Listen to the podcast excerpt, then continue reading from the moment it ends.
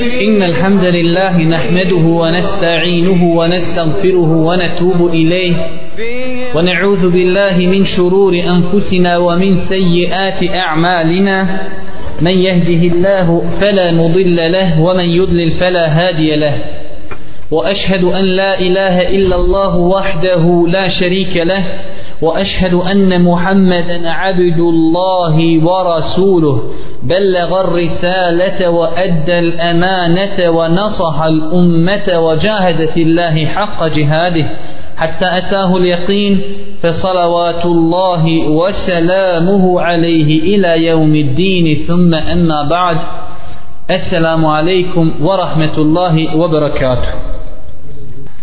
Kao što je najavljeno, cijenjena braćo večeras ćemo uz Allahu subhanahu wa ta'ala pomoć progovoriti nekoliko riječi na jednu zasigurno bitnu temu a to je kao što ste čuli u najavi mudrost u pozivanju u Allahu subhanahu wa ta'ala vjeru kao što znate na kraju prošlog predavanja koje je bilo na temu koga blagosiljaju meleki spomenuli smo u zadnjoj tačci da je jedna grupa ljudi na koje meleki donose salavate oni ljudi koji podučavaju druge hajrum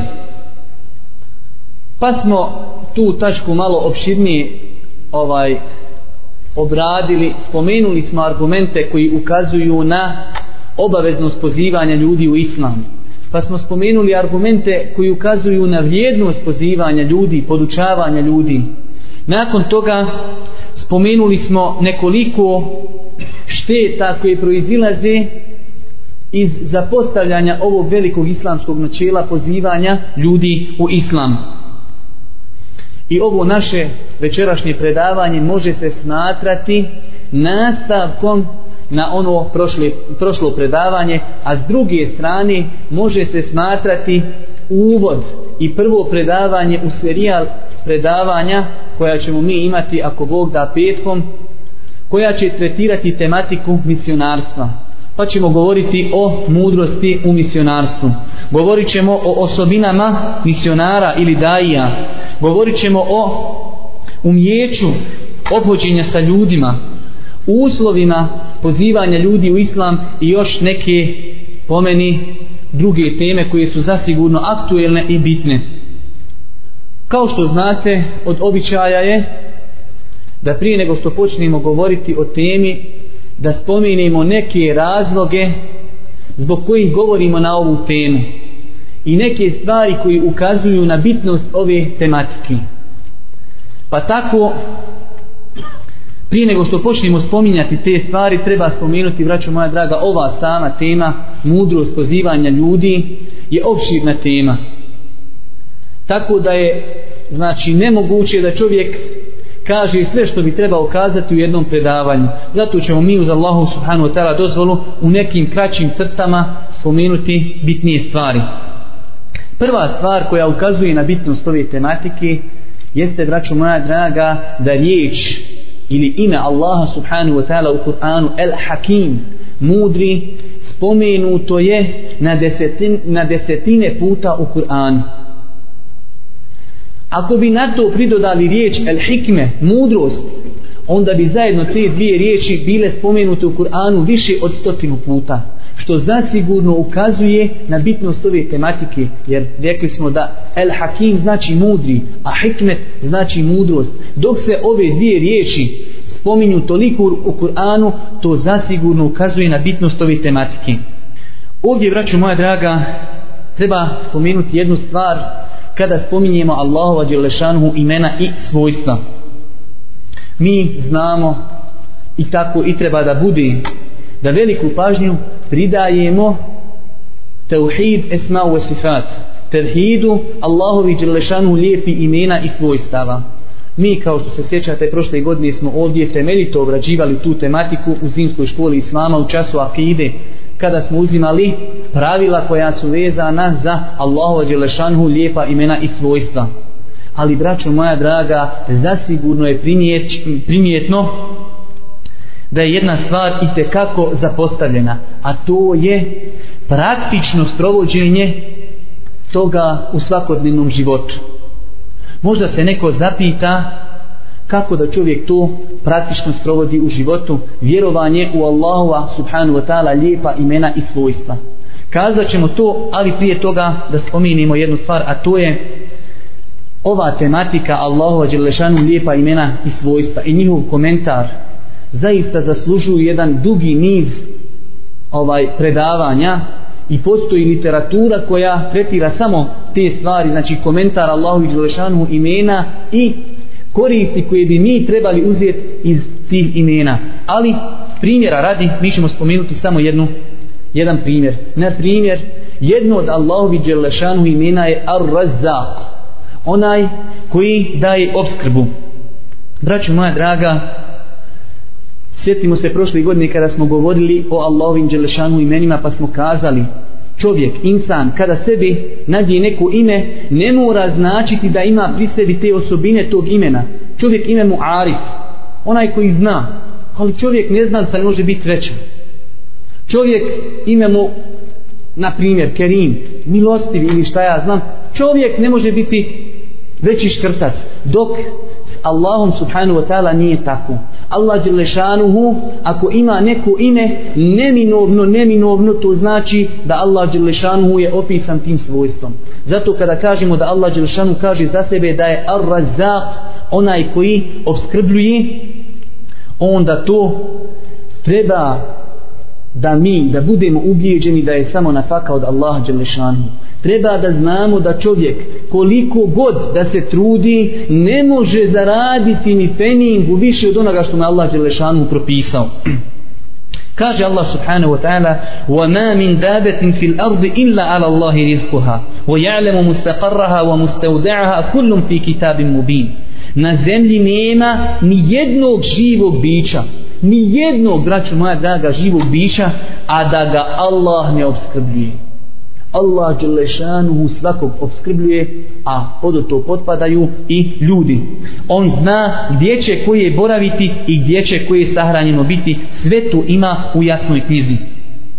Koliko puta vidimo da ljudi tvrde da znaju da se Allah subhanahu wa ta'ala znači spomenuo od svojih imena da je Ar-Razak, onaj koji daje obskrbu. Ali ćemo vidjeti kada čovjek nađe neki posao, pa treba da odaberi da li da radi na tom poslu pa neće moći praktikovati vjeru ili da napusti posao ali da praktikuje vjeru vidjet ćemo da u velikom broju slučajeva ljudi daju prednost poslu zar nismo shvatili osnovne stvari da je nafaka od Allaha subhanahu wa ta'ala Allah Đelešanu kaže وَمَنْ يَتَّقِ اللَّهَ يَجْعَلْ لَهُ مَحْرَجَ a onaj ko se istinski boji Allah Allah će mu dati izlazi svake situacije normalno ne treba ići u dugu krajnost pa da čovjek kaže ja ću sjediti kod kući, duće mi na faka. Ne, čovjek treba da ustane, da traži na faku, ali na ispravan šerijatski način.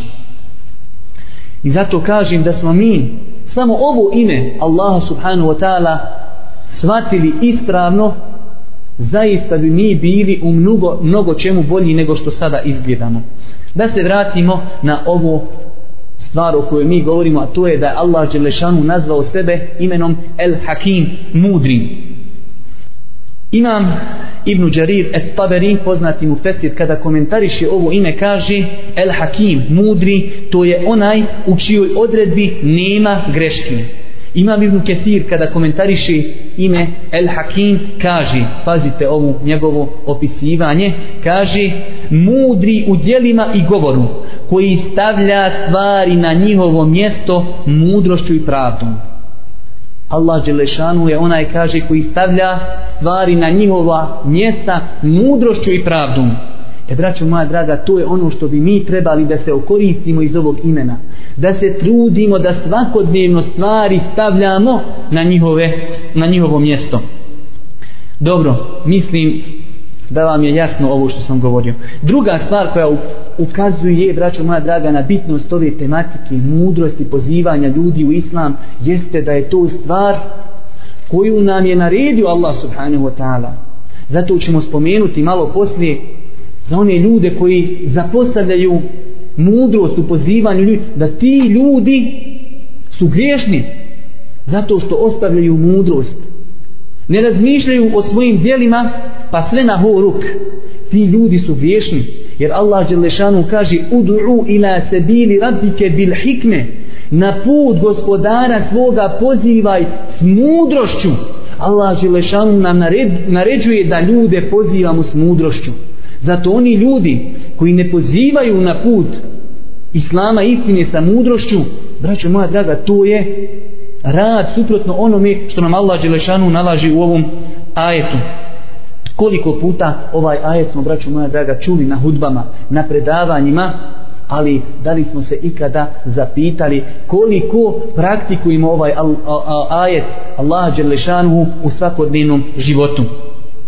Također, od razloga odabira da govori na ovu temu jeste, braću moja draga, što je Allah Đelešanuhu pohvalio one osobe koje mudro koje se mudro ponašaju u svome životu. Pa čak je to nazvao neizmjernim blagom. Kaže Allah subhanahu wa ta'ala Ju'ti l'hikmete men ješa O men ju'ti l'hikmete Fekad utje hajran kesira On daje mudrost onome kome on hoće onaj kome je mudrost darovana darovan je blagom neizmjernim Allah Đelešanu nas ovdje obavještava da je mudrost stvar koju Allah Đelešanu daruje svojim robovima ali kaže kome daruje tu blagodat darovao mu je blago neizmjerno također Allah Đelešanu kada spominje Lukmana spominje ga po toj osobini da, da je bio mudar pa čak i kod nas kada govorimo kažemo mudri Lukman kaže Allah Đelešanu وَلَقَدْ آتَيْنَا لُكْمَانَ الْحِكْمَ mi smo Lukmanu mudrost dali također od stvari koje ukazuju na bitnost ove teme jeste i to da je Boži poslanik uputio dovu Allahu subhanahu wa ta'ala da ovu stvar, mudrost podari njegov, njegovom Amidžiću Ibnu Abbasu radi Allahu ta'ala anhu u hadisu koji je zabilježio imam Bukhari od Ibnu Abbasa kaže prigrlio me je sebi Boži poslanik pa je kazao Allahumme allimhu l'hikme o gospodaru poduči ga mudrošću i braću moja draga da nije ta mudrost imala neko veliko značenje ne bi je Božji poslanik sallallahu alaihi wasallam spomenuo u ovoj dovi također od razloga zbog koji govorimo na ovu temu i vraću moja draga sada pazite ovo je možda jedan od najbitnijih razloga zašto govorimo na ovu temu zato što imamo velik broj ljudi koji pogrešno svataju ovaj pojam kada se kaže mudrost Kada pogledamo u stanje ljudi muslimana, vidjet ćemo da su otišli u dvije krajnosti kada je u pitanju mudrost. Imamo jednu skupinu ljudi koji ne, zna, ne znaju za nešto što se zove mudrost. Iako smo spomenuli toliko hadisa i ajeta koji ne samo da preporučuju mudrost, već naređuju mudrost. Ali imamo ljudi koji znaju samo za metodu horuk. Horuk i znaju samo za metodu treba tući narod dok smo tukli oni su nas islušali to je jedna skupina imamo drugu skupinu ljudi koja je suprotna znači apsolutna suprotnost od ove a to je da imamo ljude koji su zapostavili a oni su možda brojni od one prve skupine zapostavili su pozivanje ljudi u Allahovu vjeru i odvraćanje od zla, naređivanje na dobro pod izgovorom i pod plaštom mudrosti. Šta god da vidi, nemoj. Mudro. Šta god da neko uradi kod njega, ne. Mudro. Polako.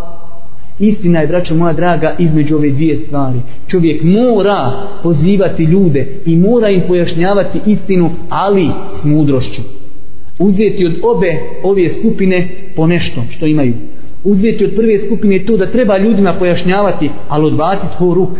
A od ovih drugi koji znači ostavljaju davet, to nećemo uzeti, ali ćemo uzeti da treba mudro.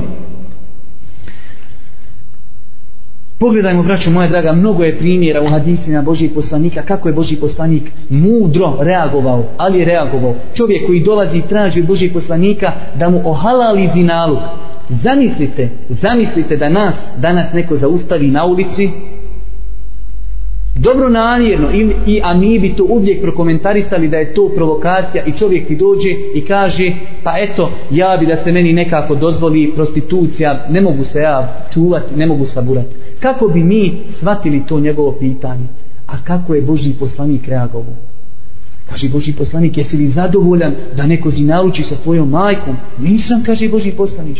Jesi li zadovoljan sa sestrom? Pa nisam sa. Pa kaže na kraju, sada mi je ta stvar najmrža. Zbog čega, vraću moja draga, zbog hikmeta i mudrosti Božih poslanika, sallallahu alaihi wa sallam.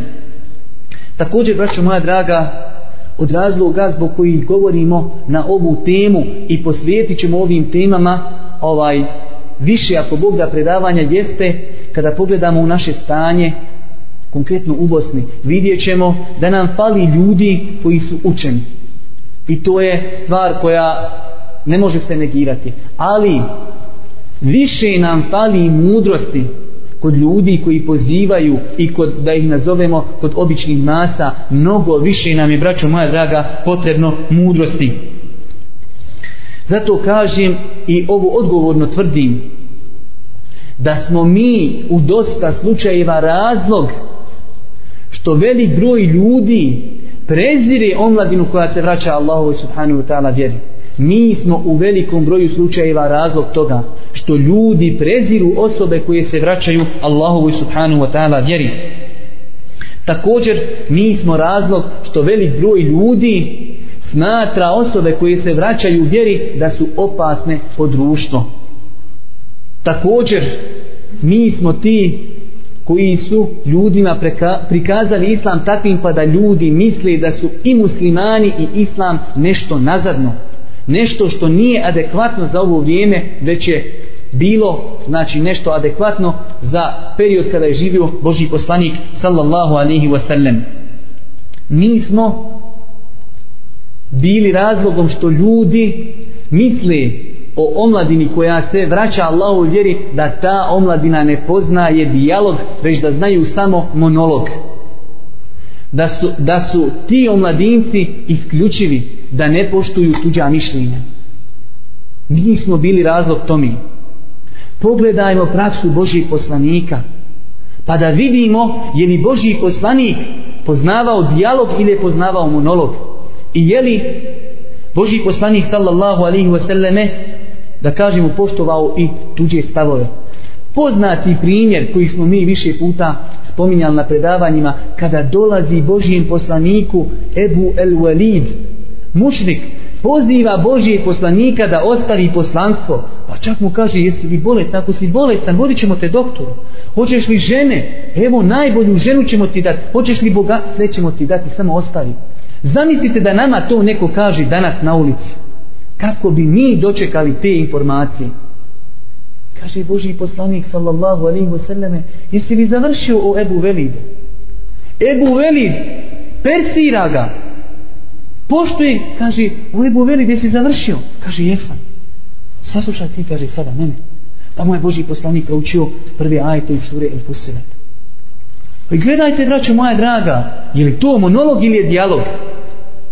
Ako se pozivamo na Božih poslanika, onda se trebamo pozivati na Božih poslanika u svakom segmentu njegovog života. I zadnja stvar, da ne dužimo, od razloga zbog kojih govorimo o ovim temama, jeste, braćo moja draga, da je zapostavljanje ove stvari mudrosti u pozivanju ljudi prouzrokovalo i polučilo mnoge negativne rezultate na polju daveta i misionarstva kako u Bosni tako u cijelom islamskom svijetu dobro nakon ovog malo dužeg uvoda koji je zasigurno bitan I sve ove stvari koje smo spomenuli, svako od nas je trebao da se preispita da li slučajno ima nešto od onih stvari zbog kojih mi govorimo na ovu temu. I ako ima, da odmah pokuše, pokuša da reaguje i da to popravlja. Nakon ovog uvoda spomenut ćemo, braćo moja draga, značenje mudrosti. Šta je tu mudrost? Mnogo puta slušamo na predavanjima, mudro, mudro, postupi mudro. Šta znači mudro? kada ovu riječ el hikme mudrost pogledamo u arapskom jeziku s jezičkog aspekta s jezičkog aspekta ona znači el mena zabran, zabrana Šta, kako je veza između dvije ove riječi zabrana i mudrost jaka veza mudrost je stvar braćo moja draga koja mudraca sputava da uradi neku stvar koja mu ne doliči to je mudrost da čovjek ne uradi nešto što mu ne doliči u Kur'anu, hadisima Božih poslanika sallallahu alaihi wasallam mnogo je primjera spominjanja ove riječi, ali rezime svega toga i ono što nama treba jeste, braćo moja draga, zapamtite ovu definiciju mudrosti. Jednostavna je ona, nije to nešto mudro, jednostavno. Šta je mudrost? Mudrost je da uradiš ono što treba, onako kako treba, u vremenu kojim treba. Čovjek nekada uradi dijelo koje treba. Uradi ga kako treba, ali ga ne uradi u vremenu kojem treba. Ili čovjek uradi u vremenu koje treba i kako treba, ali ne uradi stvar koju treba. Sve su to znači varijante ovaj da čovjek postupi suprotno mudrosti.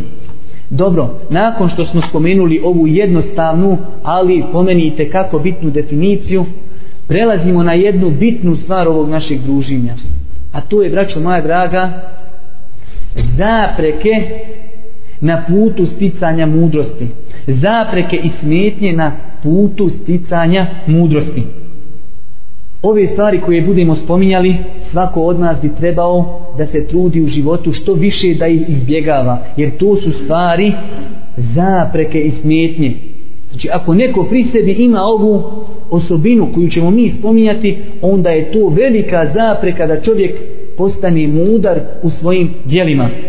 Ovo je ponekad, braćo moja draga, način da čovjek postigne stvari koje želi.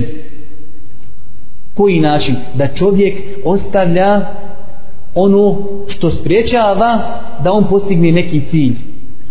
Pa, na primjer, poznati hadis Ebu Huzefe radijallahu Huzefe ibn Jemana radijallahu ta'ala anhu kaže kane nasu jes'eluna rasulallahi anil hajr wa kuntu es'eluhu ani šar nehafeten en yudrikeni kaže Huzefe radijallahu ta'ala anhu ljudi su poslanika pitali o hajru o dobrim stvarima a ja sam ga kaže pitao o zlu zašto kaže bojeći se kaže da ne upadnem u to zlo Zato znači to je jedan od načina da čovjek postigne nešto što želi da ostavi one stvari koje su zapreke na tom putu. Također kaže arapski pjesnik Araftu šarra la li šarrin lakin li ettaqihi wa men la ja'rifu šarra min al hajri jaqau fihi. Kaže arapski pjesnik ja sam upoznao zlo ne zbog zla već zato da bi ga sačuvao. A ona kaže osoba, osoba koja ne zna razlikovati zlo od hajra, kaže velika je mogućnost da upadne u taj musibet i zlo. Prva zapreka, braću moja draga, jeste strasti, slijedženje strasti i neprihvatanje istini. Čovjek koji slijedi svoje strasti i čovjek koji nije odlučio da je spreman apsolutno uvijek prihvatiti istinu, taj čovjek ne može biti mudar, bar u ovom kontekstu u kojem mi govorimo kaže Allah subhanahu wa ta'ala وَلَا تَتَّبِعُ الْهَوَا فَيُضِلَّكَ عَنْ سَبِيلِ اللَّهِ i ne povodi se za strašću da te ne odvede s Allahova puta druga zapreka na putu sticanja mudrosti jeste braćo moja draga el džahl neznanje ovo je jedna velika prepreka na putu sticanja mudrost, mudrosti. Kada kažemo neznanje, time obuhvatamo mnogo stvari da čovjek ne poznaje šerijatske propise, da čovjek ne poznaje siru Božih poslanika, da čovjek ne poznaje vrste ljudi koji poziva. Čovjek, na primjer, ne poznaje šerijatske propise, pa ćemo vidjeti da će napraviti belaj zbog stvari koja je po konsenzusu islamskih učenjaka sunnet. Sunnet ne zna razliku šta je sunnet, šta je farz. Ili čovjek ne zna razliku među ljudima koji poziva, a kada otvorimo knjige učenjaka vidjet ćemo kada govori o vrstama ljudi pa kažu ako pozivaš čovjeka koji je ne, znači čovjek koji se deklarisao kao kjafir njega ćeš tako pozivati. Ako pozivaš osobu koja voli islam, njega ćeš pozivati tako. Ako pozivaš osobu koji je javni vješnik, njega ćeš pozivati tako. Dok imamo ljudi imaju jedan šablon i sve ljude pozivaju na isti šablon i neminovno je braću moja draga da to vodi do grešaka zato kažemo el džehl neznanje je jedan od najveći neprijatelja i zaprika na putu sticanja mudrosti zato kada pogledamo u naše stanje i pokušamo rezimirati vidjet ćemo da u velikom broju slučajeva greške se dešavaju od ljudi koji nemaju znanja a suprotno tome i najmanje griješi oni ljudi koji imaju znanje. Zato Boži poslanik sallallahu alaihi wa sallame dovi Allahu subhanahu wa ta'ala da ga poduči i Boži poslanik traži od Allaha a to mu je naređeno u Kur'anu da poveća njegovo znanje. Allah Đelešanu nije naredio poslaniku da traži višak nečega osim znanja. U hadisu koji je zabilježio imam et tirmidi od Ebu Hureyre, hadis je vjerodostan da je Boži poslanik kazao Allahumme, Allahumme anfa'ni bima allemteni wa allimni ma jenfa'ni wa zidni ilmen. O gospodaru, okoristi me onim što me podučiš i poduči me onome što će mi koristiti i povećaj mi moje znanje. To je dova Božih poslanika sallallahu alihi wasallam. Treća zapreka i smetnja na putu sticanja mudrosti, braću moja draga, jeste da čovjek slijedi vanštinu argumenata bez njihovog komentara i ostavlja jedan broj argumenata, prihvata drugi broj, ne pokušava da objedini argumente. Znači prvo šta? Čovjek slijedi vanštinu argumenata bez njihovog komentara. Ili uzima jedan dio argumenata, zapostavlja drugi bez pokušaja da objedini argumente, navešemo jedan jednostavan primjer, a mnogo je primjera. Koliko je ljudi s jedne i s druge strane, koliko je ljudi s jedne strane koji smatraju, na primjer, i kamet koji se uči u našim džamijama, da je to stvar koja nije ispravna. S druge strane naći ćemo ljudi koji smatraju da i kamet koji se uči neparno, znači da je to neispravno. A obje strane U osnovi kada se pogleda u sunnet Božijeg poslanika vidjet ćemo da su oba i kameta prenešena u vjerodostojnim predajama. Normalno neke predaje su jači od drugi, ali obje stvari su prenešene u validnim argumentima Božijeg poslanika sallallahu alaihi wasallam. To je, braću moja draga, zapostavljanje jednog dijela argumenta, a rađenje po drugom dijelu. Peta zapreka na putu postizanja mudrosti jeste, braćo moja draga, draga, dokazivanje argumentima na mjestima gdje se ne treba dokazivati sa tim argumentima, na neodgovarajućim mjestima. Možemo samo primjera radi spomenuti jednu stvar koja mi je nakon naumpala kada sam pisao predavanje. Ako se sjetimo, kada su tek počeli dolaziti Arapi, ljudi koji ne klanjaju po Hanetijskom mezebu u Bosnu, ljudi koji, diž, ljudi koji dižu ruke u namazu, pa su bili kritikovani od strane nekih ljudi da je to neispravno dizanje ruku u namazu. Iako o tom je hadisi da je Boži poslanik dizao ruke tri puta u namazu, poznato da su u Bohari i muslim od Ibnu Omara. Da je hadis je rodostan. Pa su došli neki ljudi želeći da im, znači dođu sa nekim argumentom, pa su im kazali Boži poslanik je zabranio da se dižu ruke u namazu, a taj hadis se odnosi da je Boži poslanik zabranio dizanje ruku prilikom predavanja selama pa su citirali hadis koji se odnosi na predavanje selama da je to hadis za dizanje ruku vidimo znači dokazivanje argumentima na neodgovarajućem mjestu to je braću moja draga također razlog i prepreka na putu mudrosti jer ako uradiš tako nisi uradio ono što se od tebe traži nisi postupio mudro šesta zapreka na, sticanju, na putu sticanja mudrosti jeste pogrešno svatanje argumenta. Imamo ljudi koji sami iščitavaju Kur'an, sami čitaju hadijske zbirke i oni sami komentarišu to. I oni sami uzimaju propise iz Kur'ana i oni sami uzimaju propise iz hadisa Božijeg poslanika. Navješćemo samo jedan primjer komentara riječi uzvišenog Allaha subhanahu wa ta'ala gdje kaže واللاتي تخافون نشوزهن فعظوهن واهجروهن في المضاجع واضربوهن فإن أطعنكم فلا تبغوا عليهن سبيلا كاجي الله سبحانه وتعالى kada govori o tome kako čovjek da odgaja svoju ženu i ako žena ne bude poslušna pa kaže a oni čiji se neposlušnosti pribojavate vi posavjetujte a onda od njih u posteli, u posteli se rastavite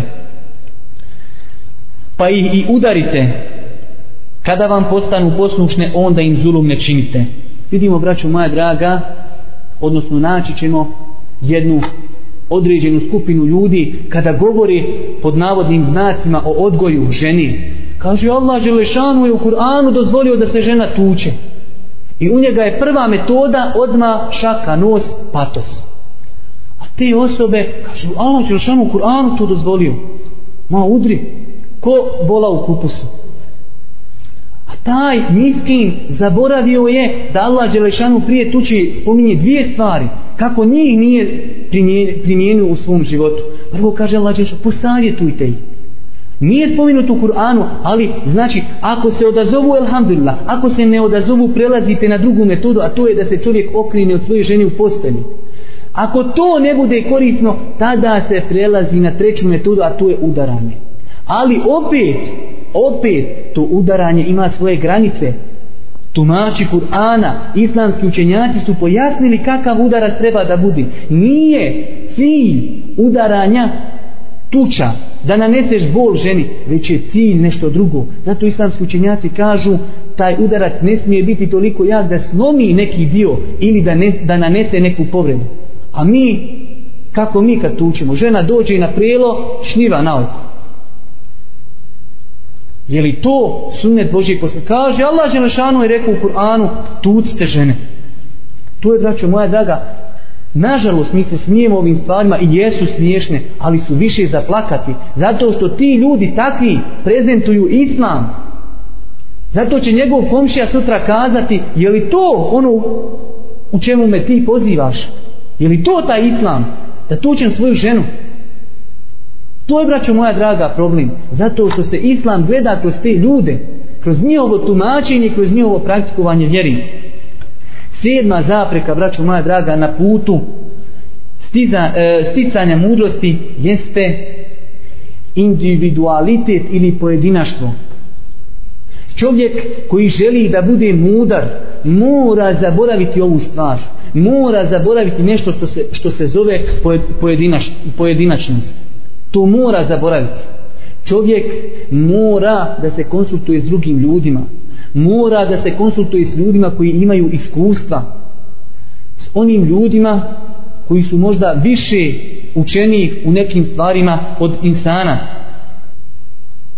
Kao što znate, mi smo na ovu temu održali jedno kompletno predavanje, zato nećemo ovome mnogo ni govoriti, govorili smo na jednu temu, mjesto konsultovanja u islamu pa smo tu obradili detaljno sve što je se po meni imalo kazat na tu temu ali braću moja draga treba da znamo da ne izbjegavanje ovih stvari ne izbjegavanje pojedinačnosti vodi ka problemima koji dosta puta mogu koštati pojedinca a mogu nekada koštati i društvo primjera radi čovjek da kažemo vrati se Allahu Đelešanu vjeri, ta osoba hoće preko noći da svi u njegovoj kući postanu ashabi. Ne konsultuje se s ljudima, pravi probleme i kao takav bude poslije okarakterisan da je to to neko novo slijeđenje Islama. Osma zapreka na putu sticanja mudrosti, ovo je također nešto mnogo bitno, vraću moja draga, nešto mnogo bitno osmi način ili osma zapreka na putu sticanja mudrosti jeste davanje prednosti sitnicama i pojedinostima nad velikim i općim stvarima i površno posmatranje stanja i situacije.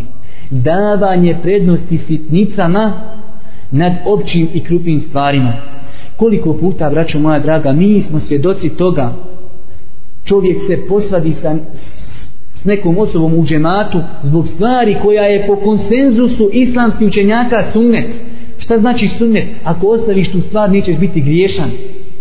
Time i to bude razlog da se od tebe ljudi razbježi.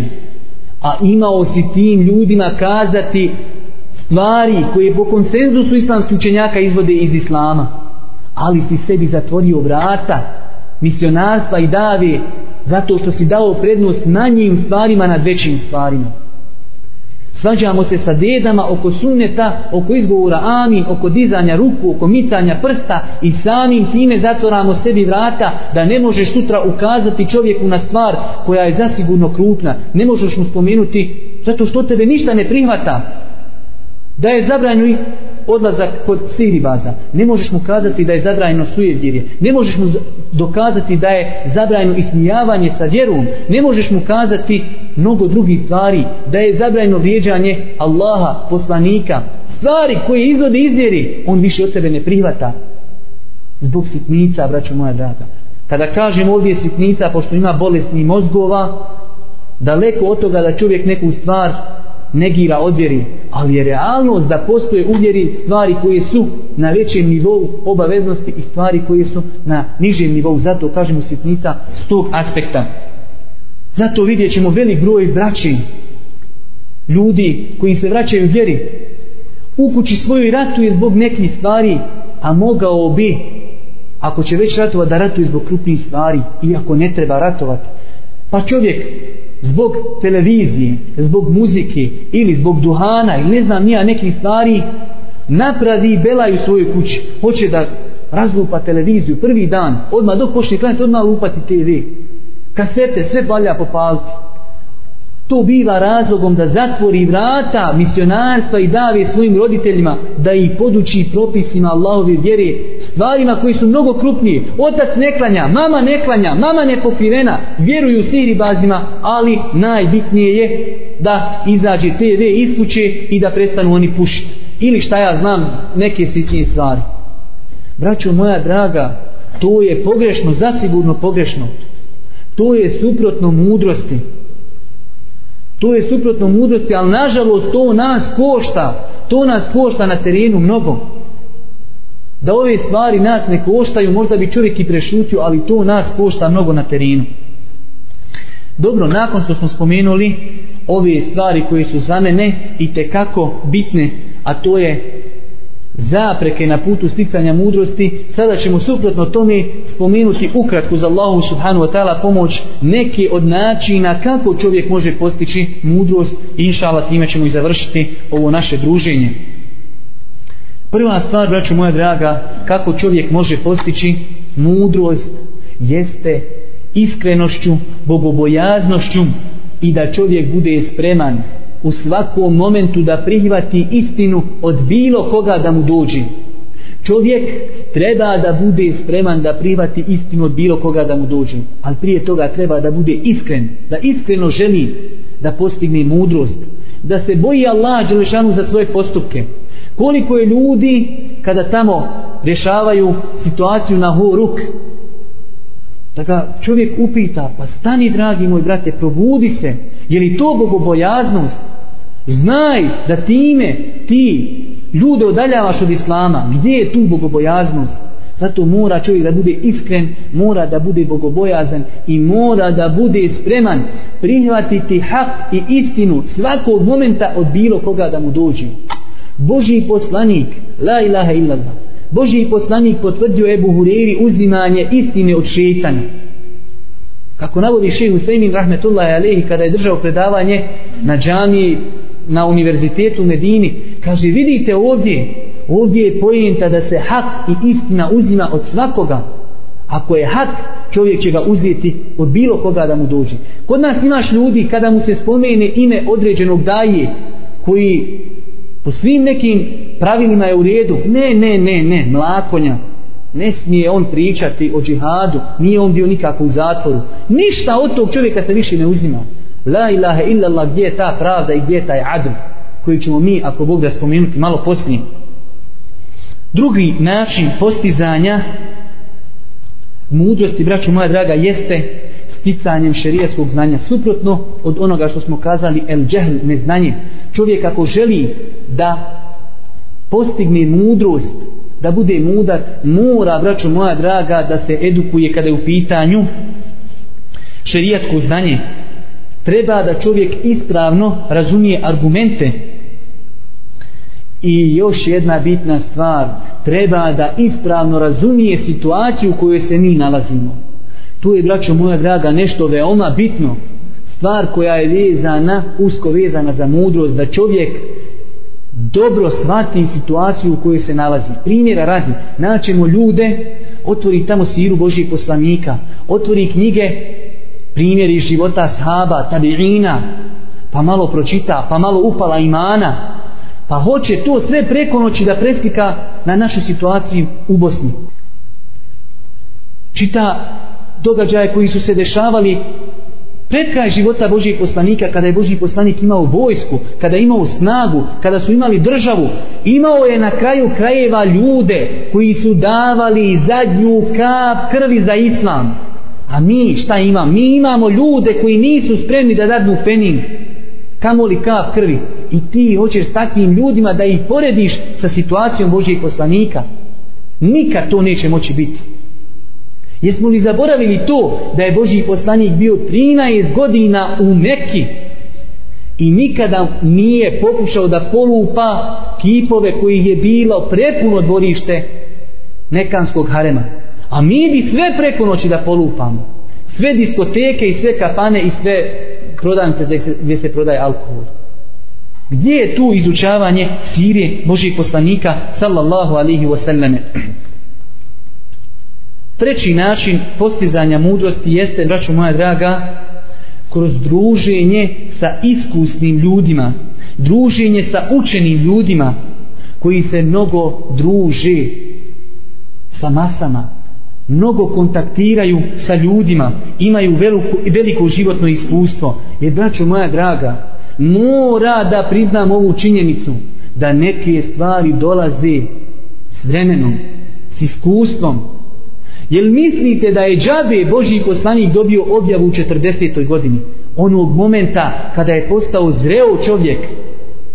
Jel mislite da je isto razmišljanje osobe koja ima 15 godina ili 16 i osobe koja ima 40 godina? Zasigurno nije. Zasigurno nije, braćo moja draga. Zato moramo se družiti sa ljudima koji, im, koji imaju iskustvo. Zato ljudima koji kontaktiraju sa općim masama oni ljudi koji su posvetili svoj život tomi zato kažemo braću moja draga žalosno je žalosno je smiješno je i opasno prvo žalosno pa je onda smiješno a na kraju i opasno kada vidimo čovjeka prije godinu ili dvije vratio se djeri ili primio islam I nakon godinu ili dvije on dolazi na nivo da kritikuje ljude u lemu koja je provela decenije nije god, decenije po 30, 40, 50 godina su proveli sa narodom sa masama i onda čovjek dođe nakon godinu dana namaza nije pročitao čestito knjige jedne i on dolazi na nivo da može kritikovati u lemu Braću moja draga, vallahi su ovo opasne stvari. Ovo što nam se sada dešava, ova medijska kampanja, vjerujte da je usko vezana sa ovom našom temom. Ko svata, alhamdulillah, ali ko ne svata, treba da se preispita. Jer, braćo moja draga, kao što sam spomenuo, ti ljudi koji nekada prozivaju osobe koji praktikuju vjeru, vjerujte da s pravom nekada prozivaju. A mi smo krivi što smo im dozvolili da imaju argumente pa da nas prozivaju. Četvrti način sticanja mudrosti jeste, opet kažemo, konsultovanje i ostavljanje pojedinačnosti. Da čovjek zaboravi nešto što se zove pojedinačnost. Mi, nažalost, živimo u vremenu kada ljudi, niko ne želi da bude u džematu svako želi da bude pojedinac i da radi kako hoće ne želi da razmjenjuje mišljenja sa ostalom braćom i onda kada napravi belaj taj se belaj pripisuje svim i osobama koje vanštinom liče na njega zato braćo draga kaže mora da zaboravimo na stvar to što se zove pojedinačnost čovjek mora da se konsultuje mora da se konsultuje konsultuje Mi smo također, više mi je dosadlo da spominjem ta naša predavanja, ali na ovu temu smo znači imali ovaj predavanje mjesto konsultovanja islamu. Spominuli smo mnogo stvari, spominući samo jednu stvar koja ukazuje na bitnost konsultovanja. Braćo moja draga, Allah Đelešanuhu naređuje komi, naređuje poslaniku da bi nama u tome koristi pouka bila do sudnjega dana naređuje poslaniku da se konsultuje sa svojima sahabima u Kur'anu poslanik najdabra, najodabranija ličnost pa mu Allah Đelešanu da se, naređuje da se konsultuje gdje smo mi od svega toga kaže Allah Đelešanu voša irhum fil emr i konsultuj se s njima u odlukama koje želiš donijeti konsultuj se pa je poznato da je to Boži poslanik praktikovao na bici na bedru, na uhudu, na hendeku, na mno, u mnogim situacijama, na hudej biji, Boži poslanik se konsultuje sa svojima sahabima, šta je činiti?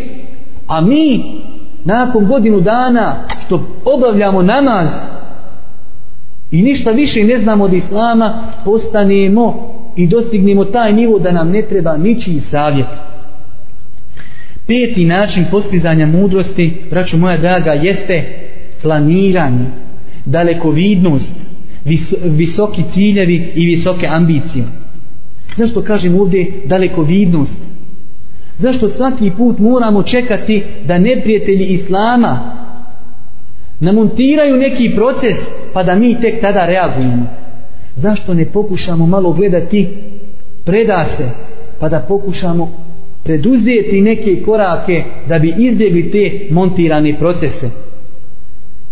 Zar nije to ono što smo kazali u definiciji mudrosti? Uraditi određenu stvar na određeni način u određeno vrijeme. Potpada li to pod definiciju? Potpada.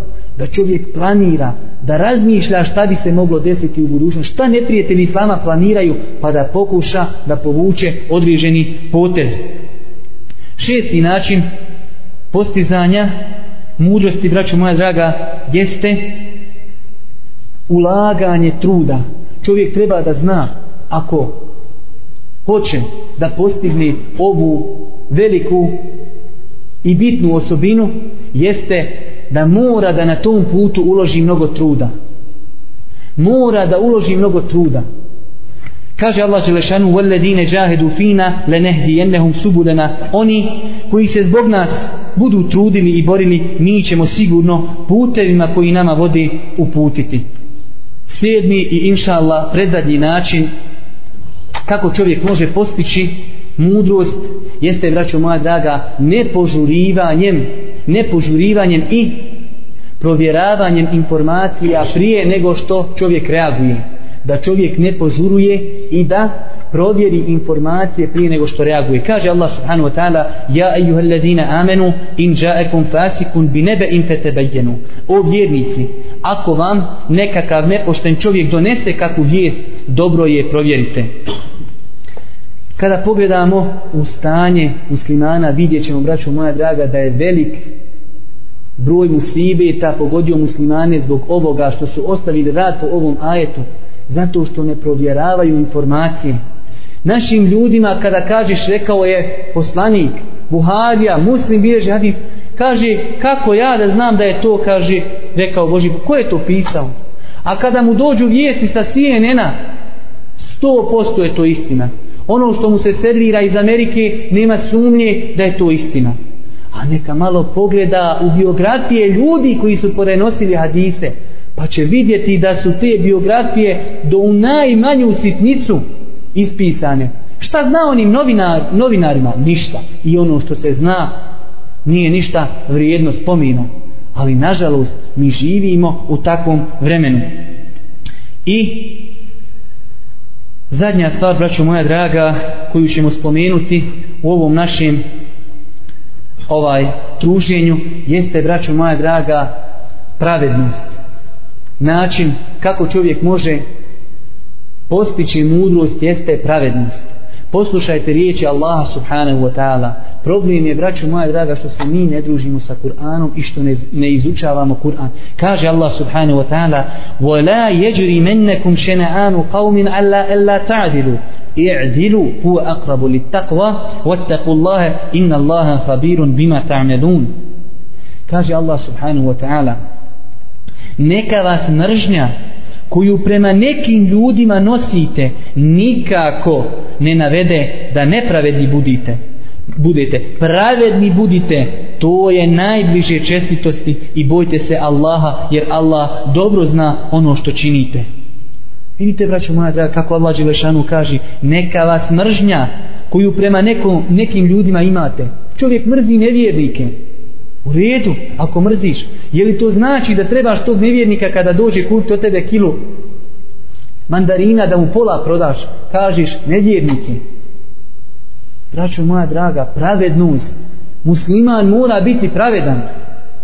Pa čak i prema ljudima koji mrzi, kao što to Allah Đelešanu naređuje. I zato ovdje se vraćamo na ono što smo spomenuli malo prije.